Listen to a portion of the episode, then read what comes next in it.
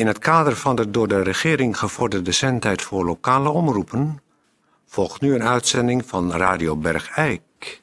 Het voelt wel een beetje onwennig. Ja? Nee?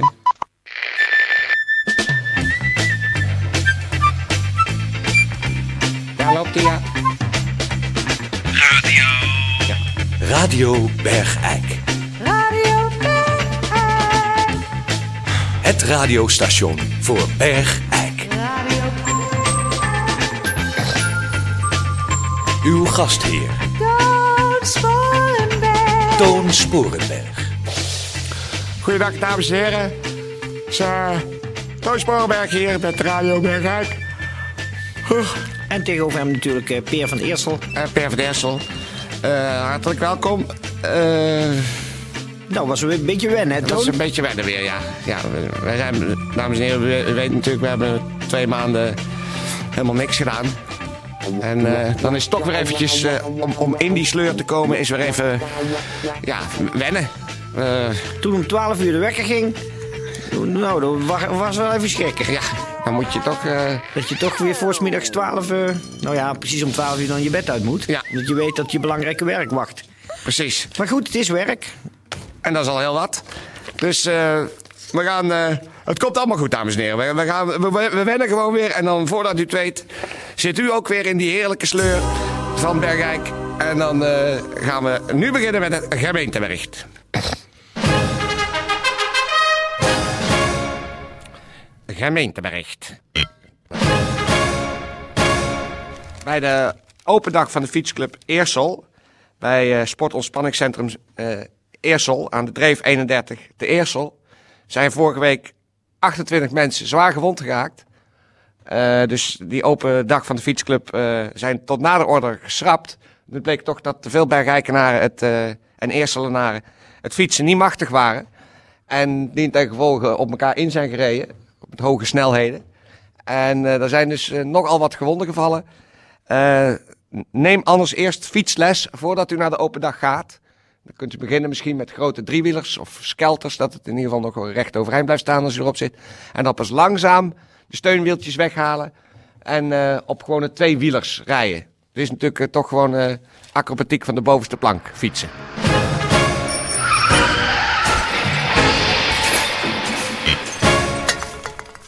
Nou, het volgende ontwerp is het volgende. de mantelzorg. Dat is natuurlijk waar we allemaal mee bezig zijn. En in de studio is aangeschoven mevrouw eh, Ellie Antonis. En eh, Peer eh, van Eersel gaat haar interviewen over een mantelzorg nieuwe stijl. Peer, het woord is helemaal aan jou. Eh dank u wel, eh, Toon. Mevrouw Antonis, hartelijk welkom. Of mag ik Ellie zeggen? Zeg maar. Eh, dag Ellie, hartelijk welkom bij Radio Bergijk. Ehm, we kennen allemaal het begrip mantelzorg. Dat eh, vaak eh, eh, het is het onbezoldigd verzorgen door gezonde mensen, van, van zieken die bedlegerig zijn. En die eigenlijk te goed zijn voor een ziekenhuis of een verpleeghuis, maar te, te, te lamlendig zijn om zich nuttig te maken. Ehm, jij hebt nu een nieuw initiatief, mantelzorg nieuwe stijl. Vertel Ja. eens wat meer over.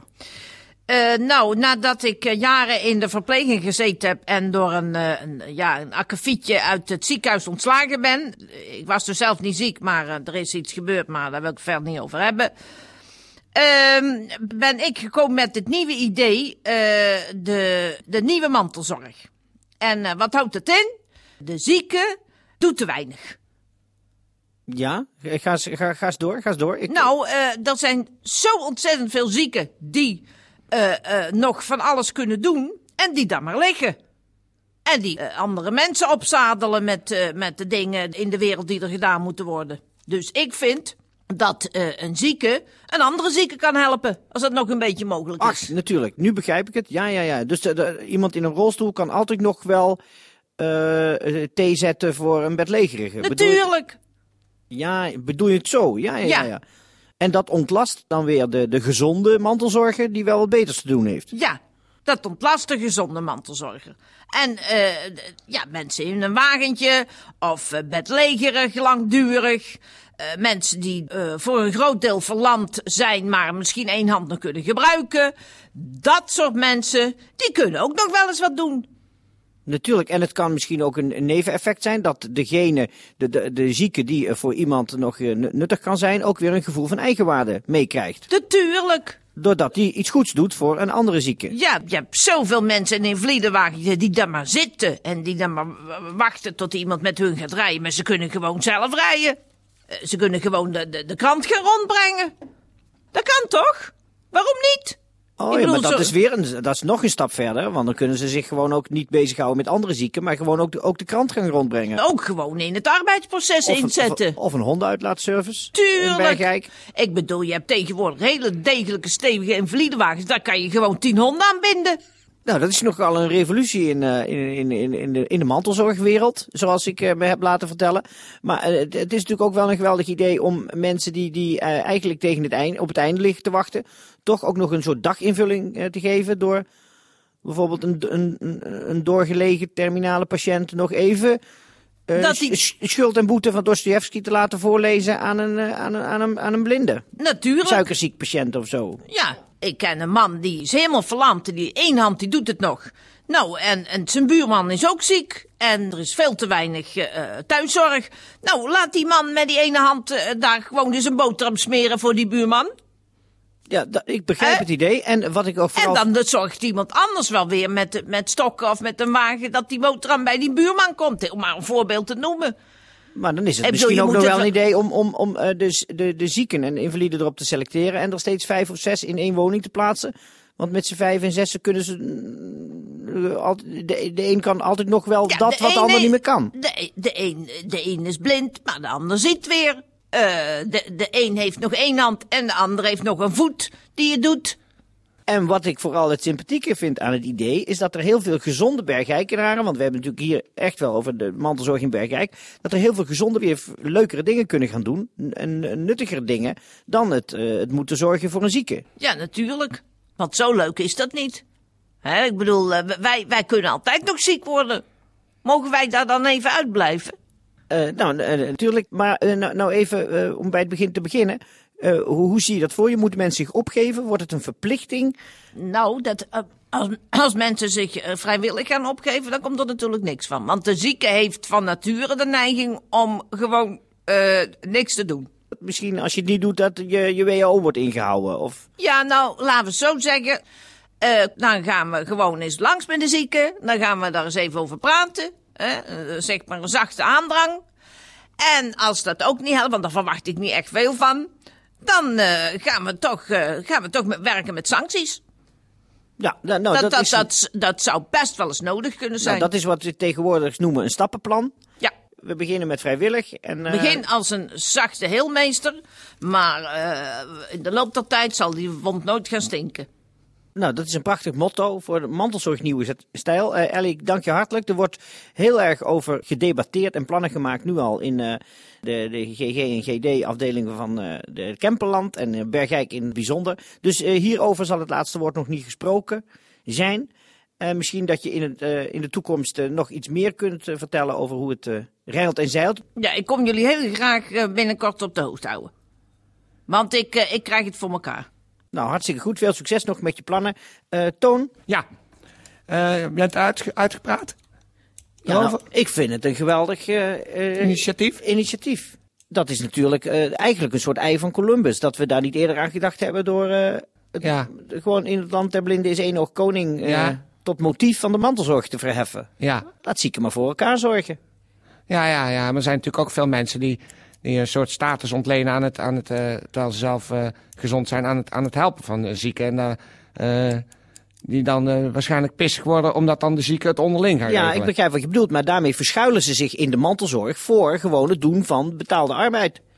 Ja, dat is natuurlijk ook zo. Want je kan wel zeggen van ik heb het zo zwaar als mantelzorger, want ik moet billen wassen, thee En, zetten, beschuitjes smeren. Boodschappen doen. Ja, maar hoela zou ik zo bijna zeggen. Dat- ja.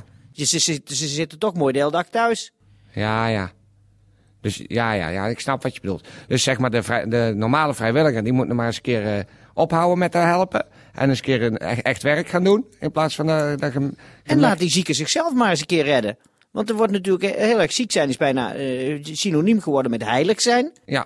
En niks meer hoeven doen. En, En, niks meer hoeven en- doen en luieren en je maar laten verzorgen met je, met je doorlichtwonden. Nou, doe het zelf. Ja. Nee, dat snap ik. Dat snap ik wel. Goed, eh, tot zover. Eh, we denken dat we van mevrouw Antonis nog wel meer te horen krijgen. En eh, dan moet ik nog eventjes melden dat er weer een cursus begint voor reanimatie. Want het is natuurlijk wel zo, en dat geldt ook voor de zieken en voor de vrijwilligers, dat u niet als een onmachtige, hulpeloze toesteller bij, bij moet blijven staan als iemand een hartinfarct krijgt. Want je kunt ook leren reanimeren en dat kost 1700 gulden per cursus. En die bestaat dan uit twee uur reanimatietraining. En die eh, vindt plaats woensdag in de sporthal de Kraanvogel. En vrijdag in de Hert in Bladel. Maar dat is natuurlijk een eind weg. Goed, eh, dan hebben we nu tijd voor muziek. Burenhulp en vriendendiensten bijstaan in de nood. Bij drukte of bij tegenspoed, geboorte en bij dood. Het was toch heel gewoon, je liet mekaar niet in de steek. Als het moest en als het nodig was, ja dan hielp de dolling beet. Want zeg nou wordt het hen zo gaan, als je mekaar niet kon verstaan, als je mekaar eens nooit negeerde, dan had het slecht gedaan. Ook al viel niet altijd mee, dan dacht je maar hieraan. Je kunt het beter moeten doen, dan dat wordt gedaan. Ook al valt het niet altijd mee, dan denk je maar hieraan. Je kunt het beter moeten doen, dan dat u wordt gedaan. Ja, da- da- dames en heren, dan krijgen we nu iets, iets, iets, eh, ja, iets eigenlijk iets ongebruikelijks, iets, iets heel anders. Wat wel het geval. We hebben een eh, cassette opgestuurd gekregen eh, van een meneer, de heer Cor. En de inhoud van eh, die cassette heeft ons eh, dermate aangegrepen. Heeft ons dermate in het hart getroffen. Heeft ons dermate de, de, ja, ik zeggen, de mist voor de ogen weggeblazen. Dat we die u zeker niet willen onthouden. Dus we gaan luisteren nu naar een cassette. Die is opgestuurd door de heer Cor Spuibroek. Waarvan de inhoud ons dermate heeft eh, getroffen en de mist voor onze ogen heeft weggeblazen. Dat we die u niet willen onthouden. Dus je moet echt letten op de levenswijsheid zoals die kan groeien in de, in, in, de- in de loop van de jaren. Bij iemand die goed om zich heen kijkt Ja. en nadenkt over de wereld, het leven en de kosmos. Het is echt heel erg indrukwekkend. Dus ik zou zeggen, neem ook een, een blaadje papier en een potlood erbij. Voor notities te maken. Dan kan je sommige dingen onderstrepen. Ja. Mijn naam is Cor Spuibroek, 66 jaar oud en door ervaringen vroeger op het werk rebel geworden. In de huidige onrustige tijden kwam onverwacht God tot mij in de gedaante van een libel. Deze was uitzonderlijk mooi en groot. Zij of hij verzocht mij een analyse te maken over de laatste ontwikkelingen op aarde. En met name betreffende het einde der tijden. Zoals beschreven in het Bijbelboek Openbaringen van Johannes. Die analyse dient wereldwijd bekendheid te worden gegeven. Dat God mij voor die klus heeft uitgekozen is verrassend. Ik ben apolitiek en niet gelieerd aan een maatschappelijke of religieuze groepering. Ik zie mezelf als de weduwnaar van de gedachte der ideale samenleving. Ofwel